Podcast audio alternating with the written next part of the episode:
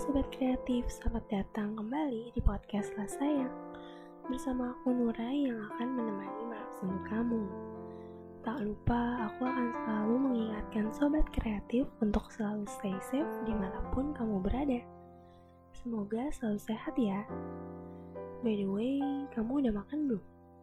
Lagi di mana nih? Sama siapa? Hari ini ke mana aja? Hmm, sama siapa?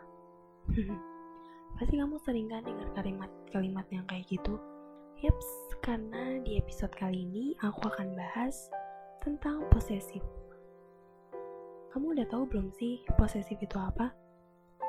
Hmm, pasti udah lah ya. Kalau diartikan, posesif itu merupakan sifat yang membuat seseorang tuh merasa menjadi pemiliknya gitu. Mungkin banyak yang ngira posesif tuh sama kayak cemburu. Emangnya apa sih bedanya posesif sama cemburu? Hmm, posesif itu berbeda dari rasa cemburu, apalagi protektif. Posesif merupakan rasa cemburu yang udah kelewatan batas, yang dibumbui dengan rasa insecure berlebihan. Kayak controlling behavior atau perilaku suka mengatur berlebihan gitu. Kayak hmm, contohnya ngerasa kalau lo tuh milik gue cuma milik gue nggak boleh ada yang ambil lo selain gue. Siapa pun yang deketin lo harus berurusan sama gue.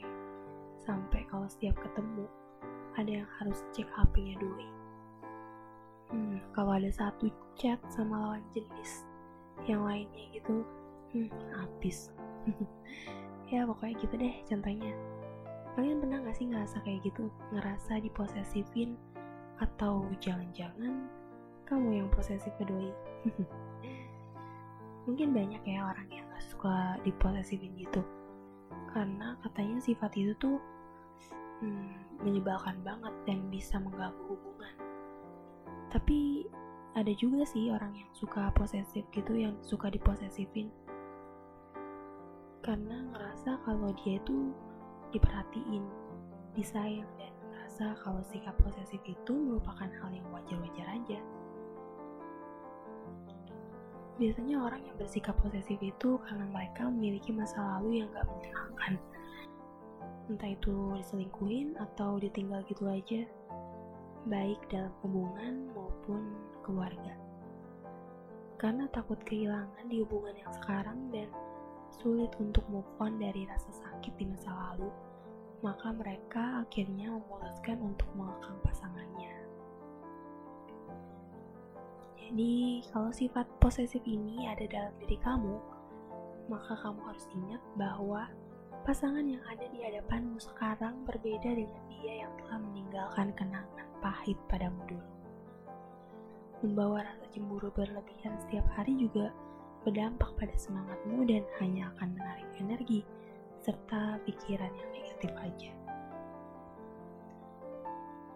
Jadi, makasih buat kamu yang udah dengerin podcast ini sampai selesai. Semoga ada hikmah yang bisa diambil dari episode ini.